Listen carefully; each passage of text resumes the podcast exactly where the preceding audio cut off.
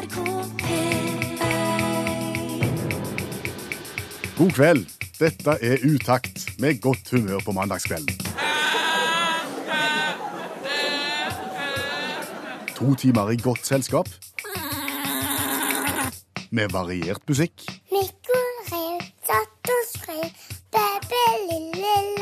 Per Øystein Kvindesland. og Bjørn Olav Skjæveland. Jeg erklærer herved Radioprogrammet Utakt for åpnet.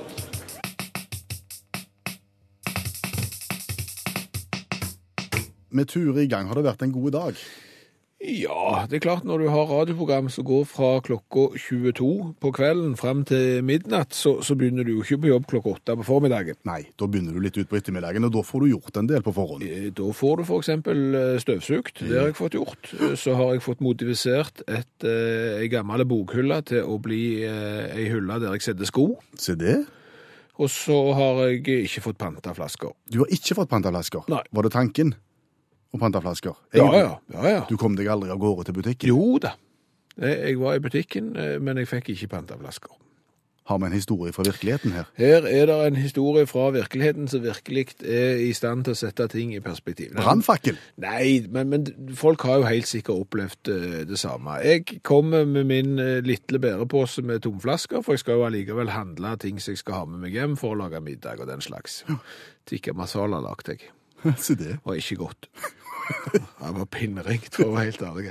Eh, Og så kom jeg der med den bæreposten med tomflasker, og så står det da ei dame der og allerede i gang med å pante. Hadde hun lite eller mye? Hun hadde mye. Ja.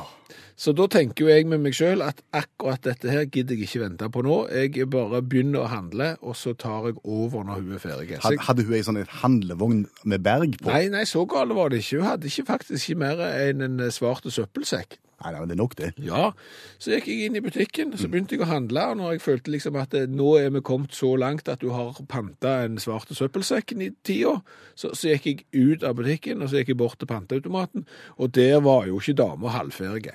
Fordi at hun hadde, jeg vet ikke hva slags selskap hun har hatt, men, men det var jo brus igjen i alle flaskene. Så hun måtte tømme, ja. Så da heller vi ut litt, og det gjør vi jo med irriterende seine bevegelser, selvfølgelig. Og så legger man i automaten. OK, ja, da går vi og handler litt til. Så handla jeg litt til. Du er jo handlingens mann. Veldig. Så kikket jeg bort. Hun dama sto fremdeles og panta. Til slutt så fant jeg ut at vet du hva, nå bare betaler jeg det jeg har. Så kan jeg heller bare ha den her pantelappen til en annen gang. Får alltid bruk for den når jeg endelig har fått uh, Trenger ikke få pengene foran med en gang. Så var jeg ferdig å betale, og gikk ut av butikken, bort til panteautomaten, og dama var jo ikke ferdig. Ikke ennå, nei. Nei. Og da gadd jeg ikke. nei. Så derfor så ble det ikke noe panting. Så du gikk hjem? Nei, men da tenkte jeg at jeg kjører jo forbi en butikk til på vei hjem. Akkurat. Så der stopper jeg. Og det som er det geniale med den butikken der, mm. de har to panteautomater. Altså, her vil du ikke risikere å havne i samme felle, nei. De har stereofonisk panteautomat. Og så parkerer jeg ut forbi butikken der, og vet du hva jeg ser? Jeg ser en mann som åpner, han har stasjonsvogn. Ja. Og han står og lesser oppi ei handlevogn med tre svarte søppelsekker med tomflasker. Du vet hva han skal. Jeg vet hva han skal. Ja.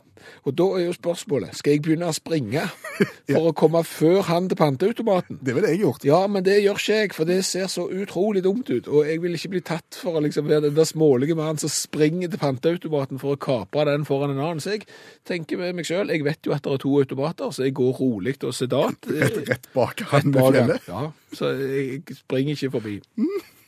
Så kommer jeg inn til panteautomaten, og den virker jo. Begge to? Iallfall den ene. Akkurat. Ja, den andre er i ustand. Og da begynner jo Da begynner han.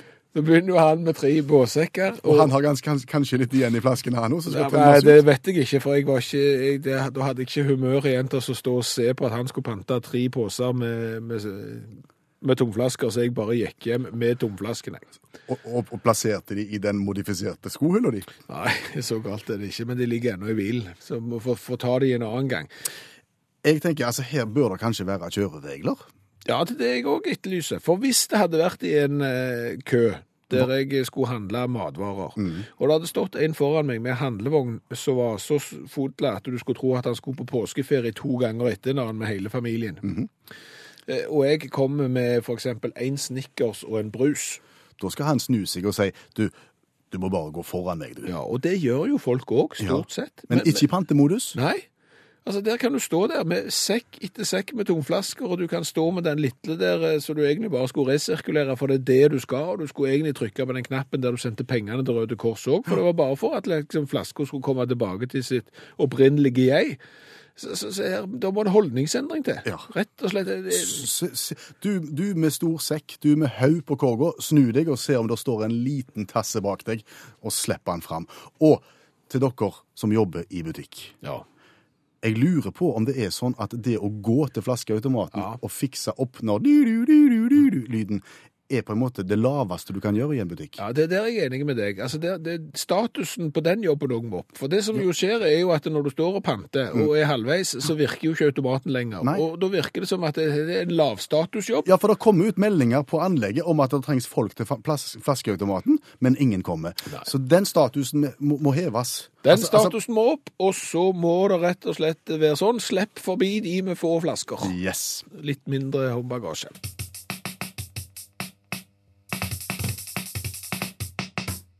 Har sittet og sett en del på friidretts-VM fra Beijing. Har du det? Mye kjekt. Og Ja, Du er jo en uh, gammel lengdehopper, så du er jo friidrettsinteressert. Ja, på alle vis, men jeg må si jeg savner haren. Jeg har sittet og sett på øvelse etter øvelse, og jeg savner han som da springer ut i fulle, fulle, fulle fart, Ja. for så å stikke av halvveis. Ikke så, nei, halvveis, etter en tredjedel av løpet, så er han vekke. Haren fascinerer meg.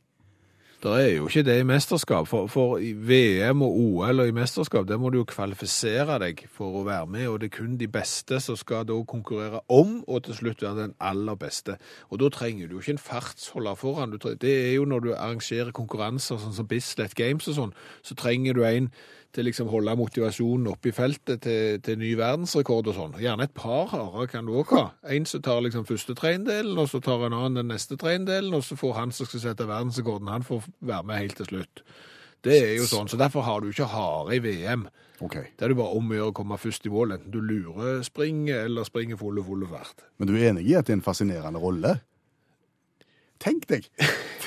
Tenk Altså, fascinerende Jo, jo, jo Vet du hva, tenk, altså du trener dag ut og dag inn, for de må jo være raske, de må være snare til å springe. Du trener dag ut og dag inn, og så får du være med på et mesterskap, og så skal du ta av gårde, og så, takk for deg, ferdig. Altså, fascinerende i den forstand at, at det sikkert må være greit å være harde. For jeg tenker at du trenger gjerne ikke trene fullt så mye som de andre. Du kan trene litt mindre. Du kan spise bitte litt mer sjokolade enn de andre. Og så er det sånn, hvis du er hare på 10 000 meter, så er jo 10 000 meter er jo langt. Kjempelangt. Det er kjempelangt. Og det er klart, når du er hare da, så tenker du, nei, 1500, 2000, greit. Greit nok. Så kan du gå på hotellrom og, Ja, det- det- og se på pay-TV og, Det- ja, og spise chips, for eksempel, eller noe sånt. Så, så jeg vil jo si det er for, fordeler med det, pluss at du får reise verden rundt, og du får jo lønn. Ja, tror du at du får lønn per meter? Nei, jeg vet ikke hva harehonorar er, jeg, men, men, men jeg, jeg tror jo det er sånn at du, du bestiller en hare. Ok, ja. Altså, når, I hareregisteret. Jeg vet ikke om det er hare. Det er sikkert hareregister. Jo, men altså sånn, 5 og 10 000 meter, sant? så betaler du masse, masse, masse penger for han som skal sette verdensrekord. Og så betaler du litt mindre penger for de som skal være med å presse han som skal sette verdensrekord. Og så betaler du en slant til han som skal springe en liten stund. Han tror jeg ikke får mye. Det, jo, men folk gjør det jo. Ja. Så det, de trenger ikke være lite heller. Og det er klart at jeg tenker å kunne reise verden rundt og bare springe litt. Ja, ja. Jeg har ofte prøvd å følge med på kamera hvor de blir av. Når, når de på en måte forsvinner ut av arenaen etter en bitte liten del av det. De hopper jo stort sett alltid til venstre. Ja. Og det er det som er fordelen med friidrett. Det er jo ikke så gyselig vanskelig. Du springer, og så svinger du til venstre Ja. hele veien. Men- til du er i mål. Ja, Så springer de litt til sides, og så, så venter de til at alle har sprunget forbi, og så kan de lure seg over tilbake igjen, og så går de. Og da sier jeg at så går de, går de i tacoen, da. Ja, de, de, de gjør gjerne det. Men, men er, Eh, Hvor kan jeg melde meg hvis jeg, kan bli, jeg har lyst til å bli hare? Hvis du får reise verden rundt, springe ikke spesielt langt og tjene en skvett med penger. men, jeg si, du, men det er jo på Om du, har, du sier at du er interessert i friidrett Jeg er en gammel friidrettskjempe. sitt- Ja, du er det. Du, hva er persen din i lengdegropa? Den er fire meter nesten. Verdensrekorden er over ni. Ja, men det, du skal jo bare ha litt. Kan du kan du ha hare i lengde? Nei, det kan du ikke ha. Men, Hare opp? Men, men, tenk deg da, om du har sett tempoet for altså, Du kunne ikke vært hare i noen idrettsgren i det hele tatt. Altså, Til og med når de springer maraton på to timer og noen få minutter. Det er jo så fort. Du hadde jo ikke holdt maratontempo du i 150 meter engang. Og tenk så dumt det hadde vært. Ja, nå står vi på startstreken, vi skal springe 42 km pluss noen meter til. Og hare er Per Øystein Kvinnesland fra Norge. Og så turer du i gang, og så får du innbytterpuls etter 150 meter. Og så må du, og så må du trekke deg, og de har 42 km igjen, de andre. Ja, Du hadde ikke klart det. Men en god tanke. Det er sikkert andre ting du kan reise verden rundt. Vet du, hva? du kan Vet du hva? Nå kom jeg på det. Som tidligere lengdehopper, Ja. som en som har lyst til å se friidrett og reise verden rundt, du kan være han som sitter og ser om de trør på planken rett.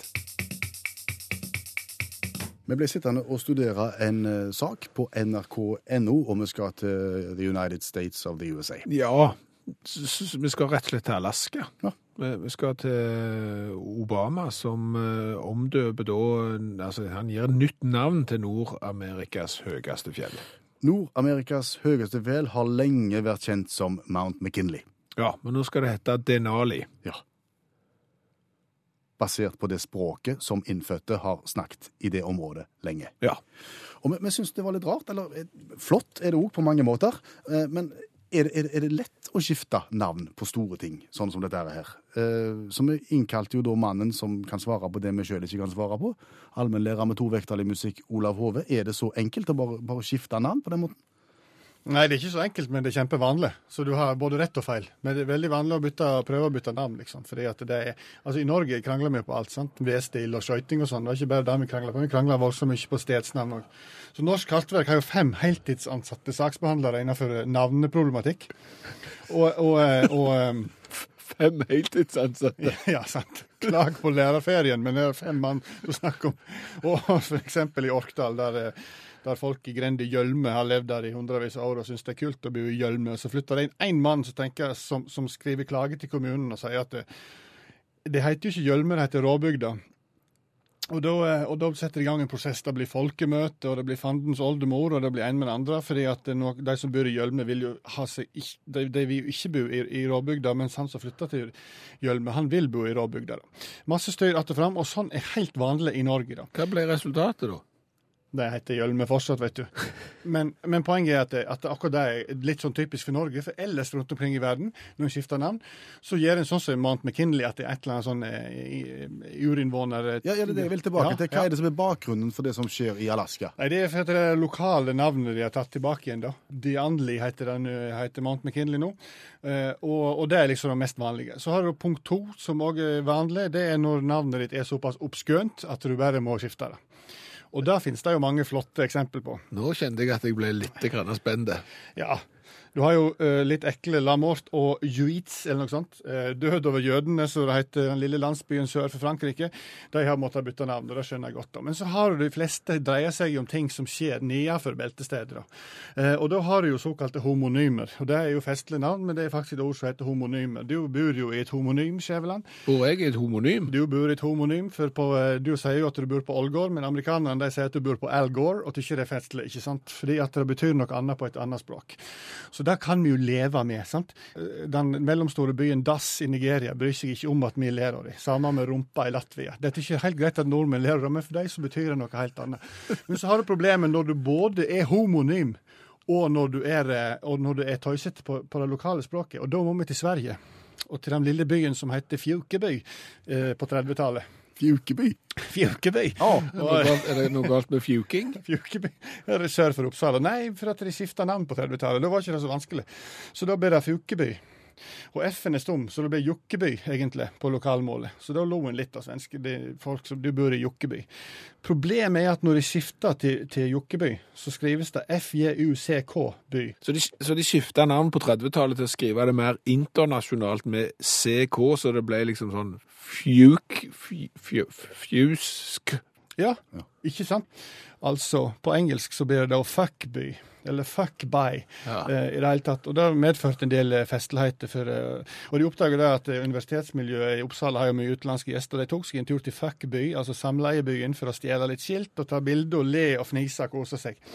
Spesielt var jo eh, um, snackbaren uh, Fuck By Takeaway, voldsomt populær å stjele skiltet fra. Eller den utendørs kinoen Drive Through Fuck By, så de syntes var veldig kjekt. å Eh, men, men, men for folk i, i, i jokkebyen eller, eller samleiebyen eller hva det nå er, så ble dette her tungt å svelge. da. Ja, det ja. Så de, de skrev et patosfullt brev til den svenske staten. Ja. sant? Og, og, og da skrev de at navnet vekker løye, rettsamhet og munterhet hos allmennheten. Men leder til kjensler av leda, pinsomhet, depresjoner og ubetinget skam hos ortens barn. Oi. Ja, Så jeg ville skifte til Fukeby. De ville skifte til Fuke, de ville skifte tilbake igjen til Fukeby, for de ville ikke ha ved Jokkebyen. det har vært så mye styr med Jokkeby. Så, så, så de søkte og fikk nei. For det viste seg det at det, sitter så, det satt så mange oppskøende stedsnavn på gjerdet at hvis Jokkebyen, samleiebyen, skulle få skifte navn, så kom hele gjengen til å fylle på. Både Rumpsjøen, Bøkholmen, Ballekjertelen, Kuksjøføri, Brittas Hål, Snålkuk, Vallefittan, Djuparøven og Stora Runken. Alle de hadde fylt på. Og det er klart, det vil, det vil du ikke ha.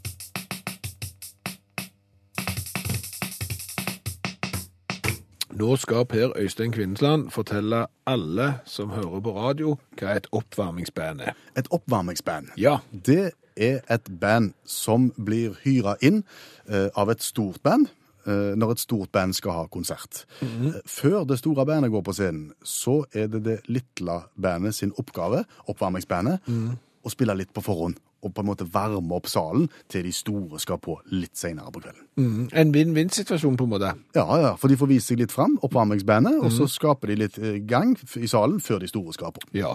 Hva, kan du òg lage en definisjon på oppvarmingssignering? Oppvarmingssignering er det konseptet der en berømt forfatter Ja. eh, skal ut og signere sin nye bok. Ja. Eh, Før eh, den berømte forfatteren setter seg ned og skriver, så kommer en litt mindre berømt forfatter opp på det samme podiet og setter seg ned og signerer sin ikke fullt så kjente bok før den store skal på. ja. Oppvarmingssignering En vinn-vinn-situasjon.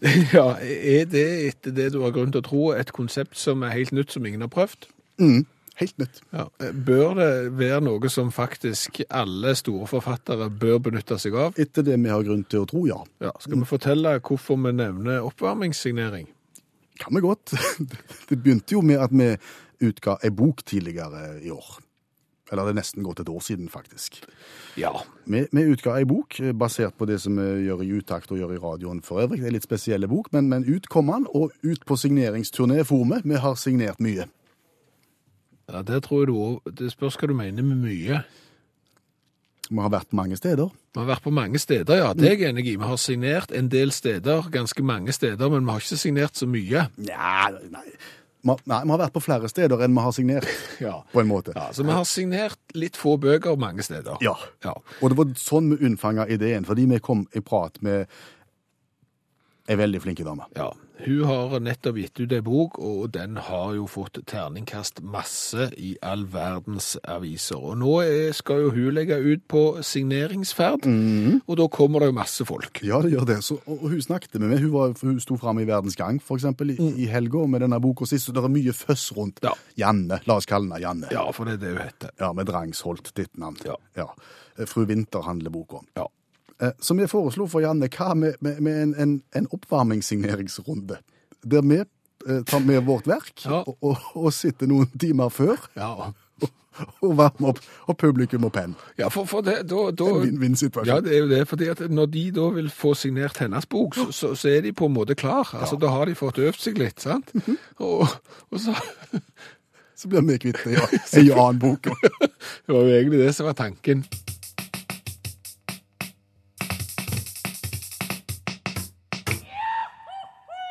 Vi har bedt deg melde deg på konkurransen, og vi har bedt deg begrunne på hvorfor du bør få være med i kveld. Ja, mange har jo prøvd seg på smiger. Eh, normalt sett vil jo det virke alle tiders, men i dag så er det rett og slett oss i utakt som kan hjelpe han Kjell i Fyllingsdalen med å få tida til å gå. Ja, for Kjell skriver til oss, sitter her og oppdaterer kart på min GPS, og trenger derfor hjelp til å få tiden til å gå. Derfor har vi tenkt å hjelpe deg, Kjell.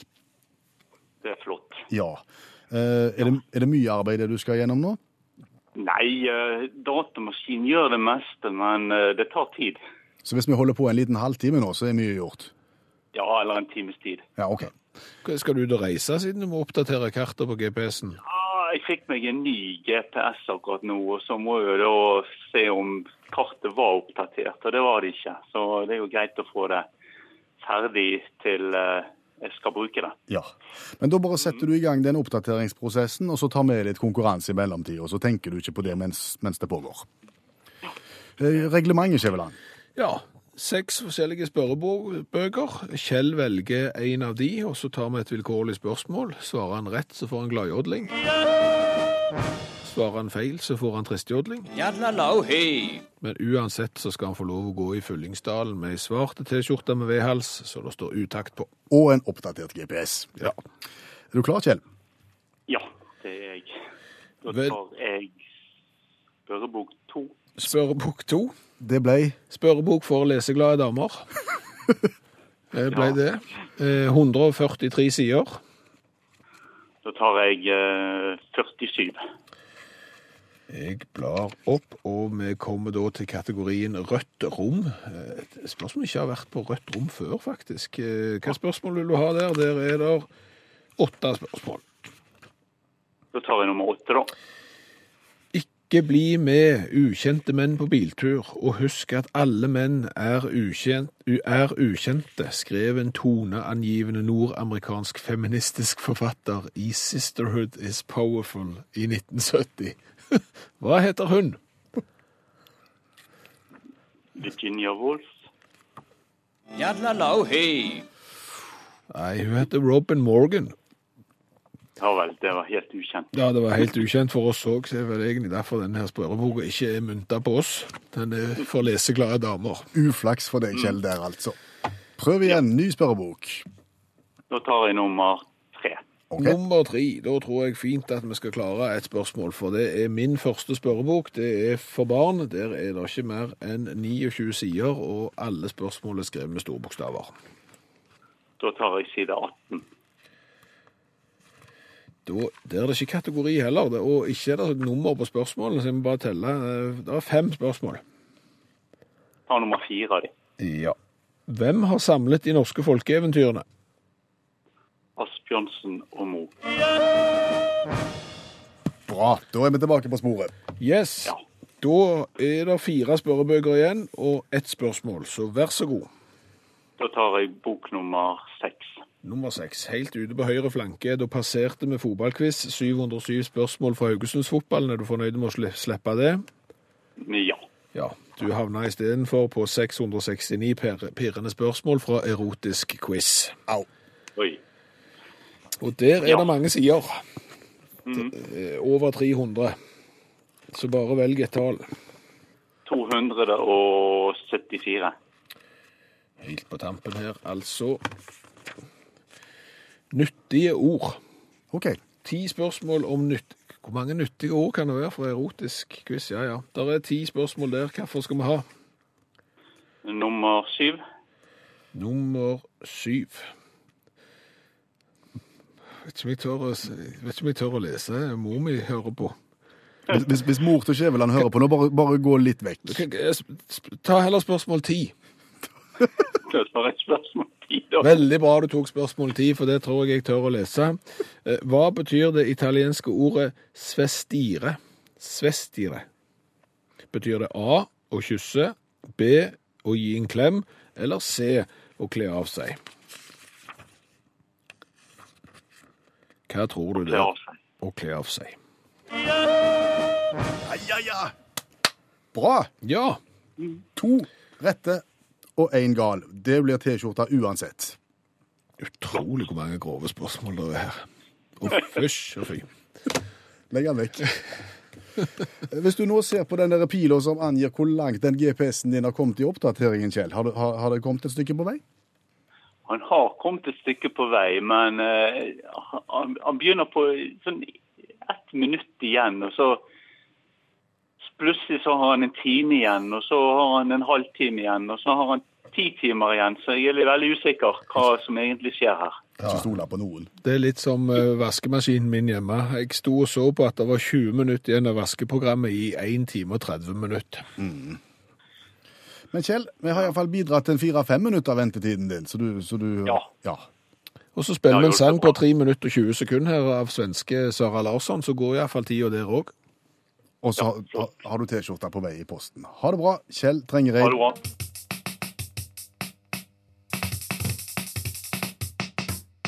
Så hører du fortsatt utakt i NRK P1, som nå fortsetter sin store coladugnad, og i dag skal vi østover.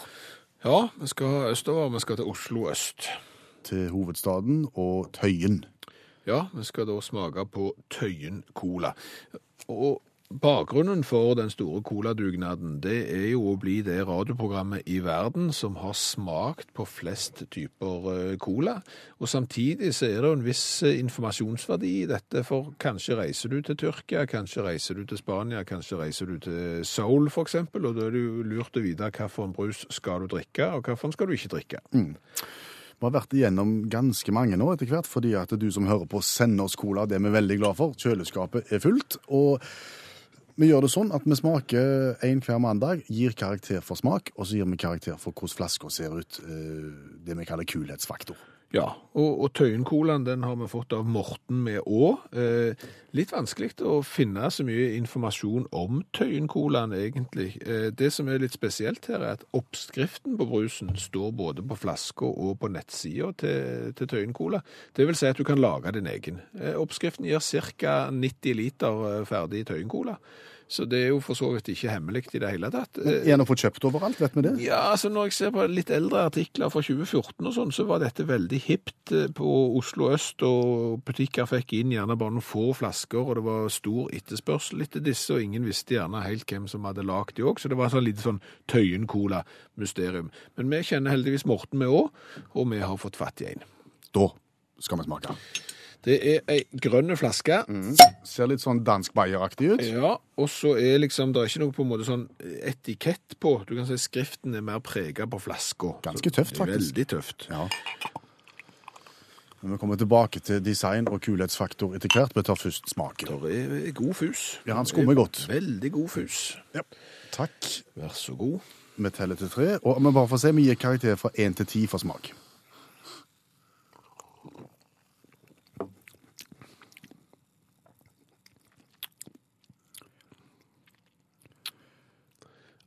Er litt annerledes. Absolutt annerledes. Må smake litt.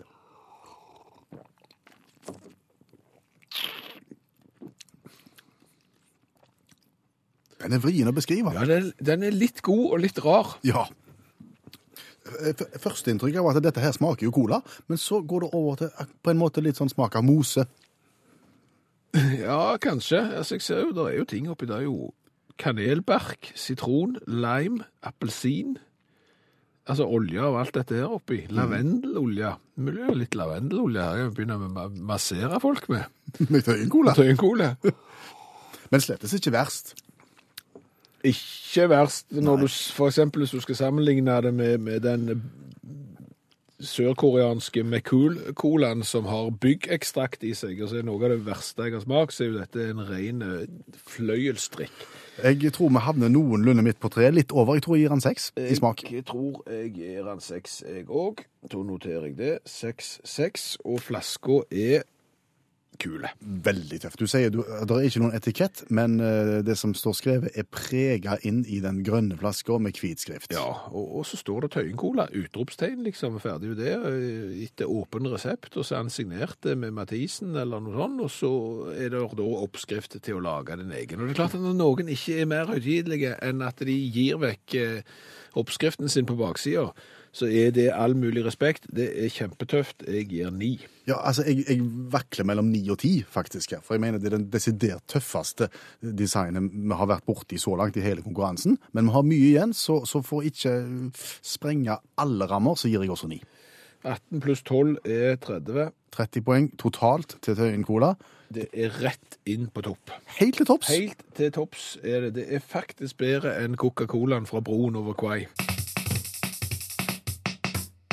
Hvis du går inn på Utakts i Facebook-sida, så ser du et bilde. Da ser du et bilde av min makker her i studio, Skjæveland, iført hvite dress, eh, gullskjorte og et slags ordførerkjede. Han står og konverserer med to andre ordførere som har vanlig dress, men også ordførerkjede.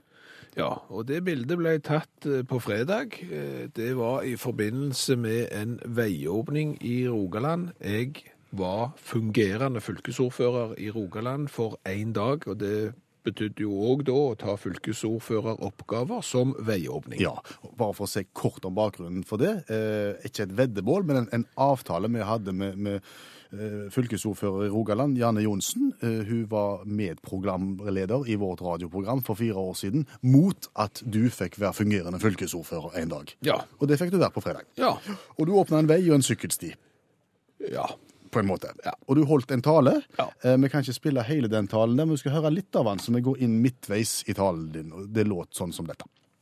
Det andre jeg har jobbet mye med, det er å finne musikk til åpningen. Vi skal jo alltid ha korps. Det har jeg ikke klart, til tross for uh, sterkt politisk press. Altså løfter om uh, be belønningsmidler, insentiver om uniformstillegg på 17. mai og, og gratis lunsj til alle i korpset. Det er ingen korps her i dag, så vi har fått med elgitarist fra Lye. Og vi tenkte før vi begynner med de helt offisielle tingene, at vi gjerne skulle ta oss og synge en sang sammen, og her er det lov å synge med. On the road again. Just can't wait to get on the road again. Dermed så erklærer jeg veiprosjektet fylkesvei 329, rundkjøringer, sykkelstien og alt som hører til, for åpna.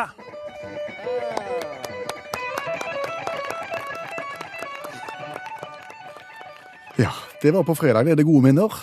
Ja, det er jo det. Det var artig å være fylkesordfører for en dag, og klart at hvis politikken er sånn, klipp ei snor, eh, hold en tale, gå på buffé, eh, spis is med bjørnebær til dessert, eh, det, da, da ser jeg for meg at et, et liv i politikken kunne vært noe for meg. Da Skal jeg skaffe meg ny makker? Ja, det, det tror bare, det tror jeg bare du kan tenke på med en gang. Men, men lærte du noe? Er det noe du tar med deg, eller tror du du lærte de forriktige politikerne noe gjennom din opptreden i hvit dress og gullskjorte? Altså, jeg tror jo at eh, ordførere og fylkesordførere og prominente gjester sitter igjen med et inntrykk av at det går an å friske opp en vanlig veiåpning en Ja. del. For det er klart at det er veldig konservativt. Det er gjerne mørk dress eh, med vanlig ordførerkjede til. Her stiller jeg i hvit dress med gullskjorte. Det tror jeg jo har noe for seg, å tenke alternativt den veien. Og så er det jo ofte korps. Mer eller mindre gode. Ja. Ofte mindre gode. Eh, Og her eh, åpner vi da vei med elgitar.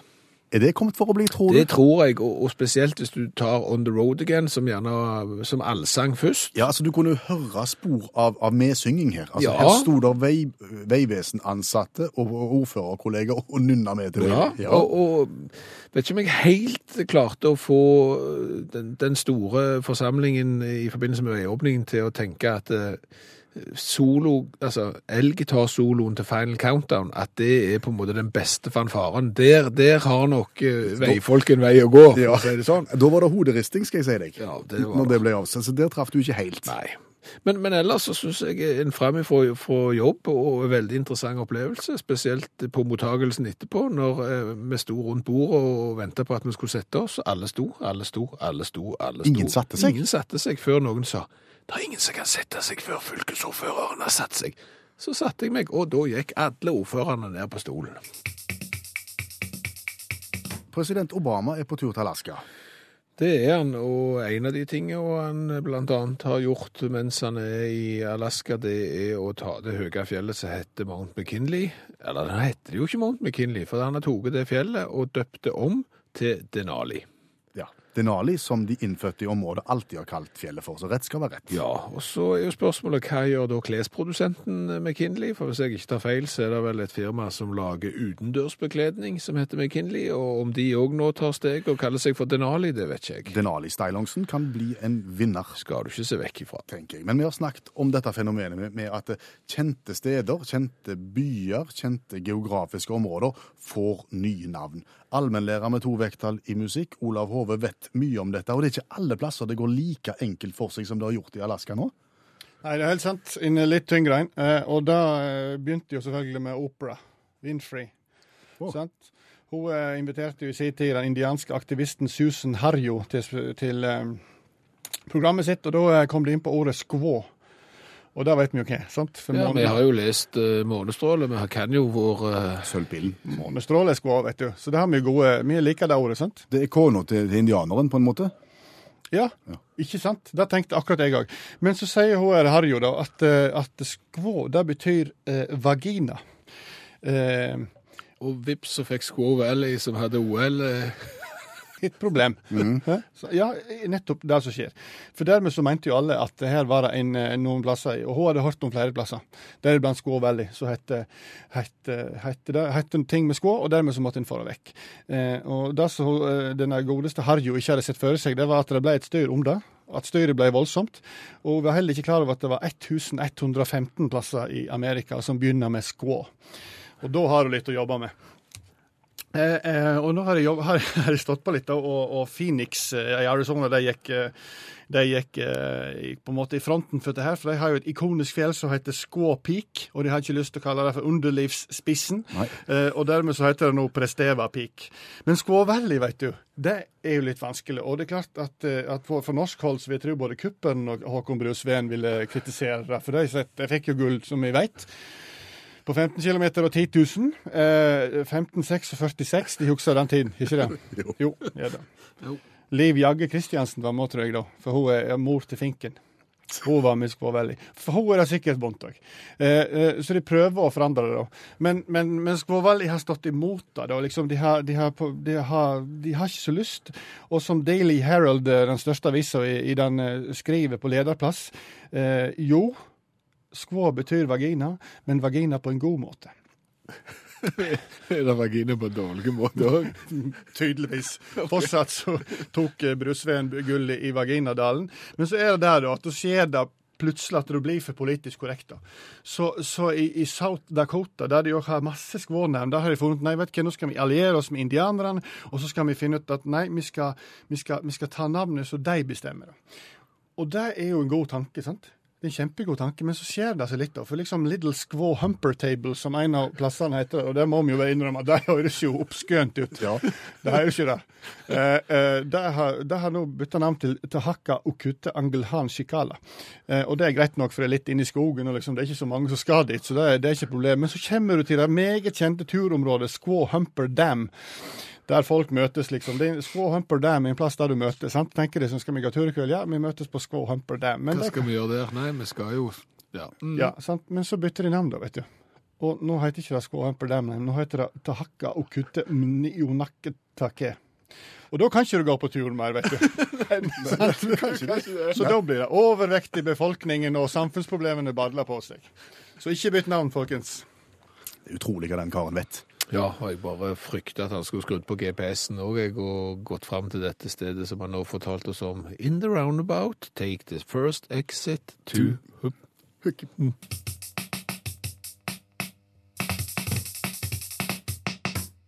Der jeg sliter alvorlig med tebrød. Sliter du med tebrødet?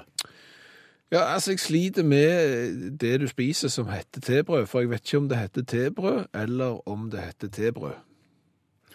Hva er tebrød? Altså tebrød er jo Er det et rundt eller firkanta? Ja, altså det, jeg tror, ikke formen egentlig er så viktige, for jeg tror både de finnes i runde og firkanta. Det, er- det er jo noe butterdeigaktig. Hva er forskjellen på tebrød og, og wienerbrød? Det er stor forskjell. Men- Og så er det gjerne noe gult i midten. Det er det jo òg i wienerbrød, ja. Ikke ødelegg. Men det, i wienerbrød er det syltetøy i midten. Det er det ikke i tebrød. Oh. Men jeg tror du kan ha melis på tebrød. Så de er bare en hårsbredd fra skolebrød. Men, men de er ikke lagd av deig, de er lagd av butterdeig. Men, men det er ikke poenget. Poenget er om det er tebrød eller tebrød. Hva mener du med det? Fordi at det er dissens rundt omkring de, hos de som selger tebrød, når de skriver ordet tebrød. For enten så skriver de tebrød med te-brød, som Ja. te, eller så skriver det som the, t-h-e, The brød. The brød? The brød. Og, og jeg hadde skjønt hvis det var dissens om det var tebrød som te, det du drikker, sant? eller om det var ti-brød, altså T-E-A. Men når du først skal lage tebrød på engelsk, så er det T-H-E. Og søker du på oppskrifter på internett, så finner du oppskrift på både tebrød og tebrød. Men ikke tibrød. Jo, altså tibrød. Altså både, det, det uttales jo likt, mm. tebrød og tebrød. Så, så jeg vet ikke hva som er rett, og jeg vet ikke hvorfor det heter tebrød, og jeg vet ikke hvor den H-en kommer.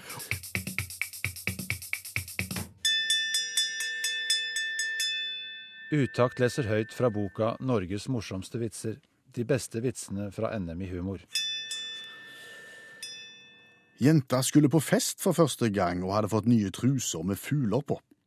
Mora sa at ingen måtte få komme borti fuglene hennes. Da jenta kom hjem fra festen, spurte mora hvordan det hadde gått. Eh, jo, sa jenta, fuglene var de ikke så interessert i, men du skulle ha sett hvordan de rota i reiret.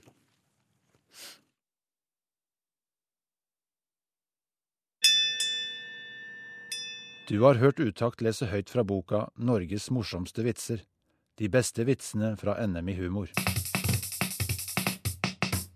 Og det var det, nesten. Ja, vi må få lov å si tusen takk for i kveld. Tusen takk for alle SMS-er, alle innspill på Facebook. Vi skal kåre en vinner i snakkeboblekonkurransen i morgen, så heng med. Og så skal vi lage en podkastversjon av dette programmet som du kan laste ned ut på formiddagen i morgen. Og så skal vi si tusen takk for oss nå, Bjørn Olav Skjæveland og Per Øystein Kvindesland. Hør flere podkaster på nrk.no podkast. NRK P3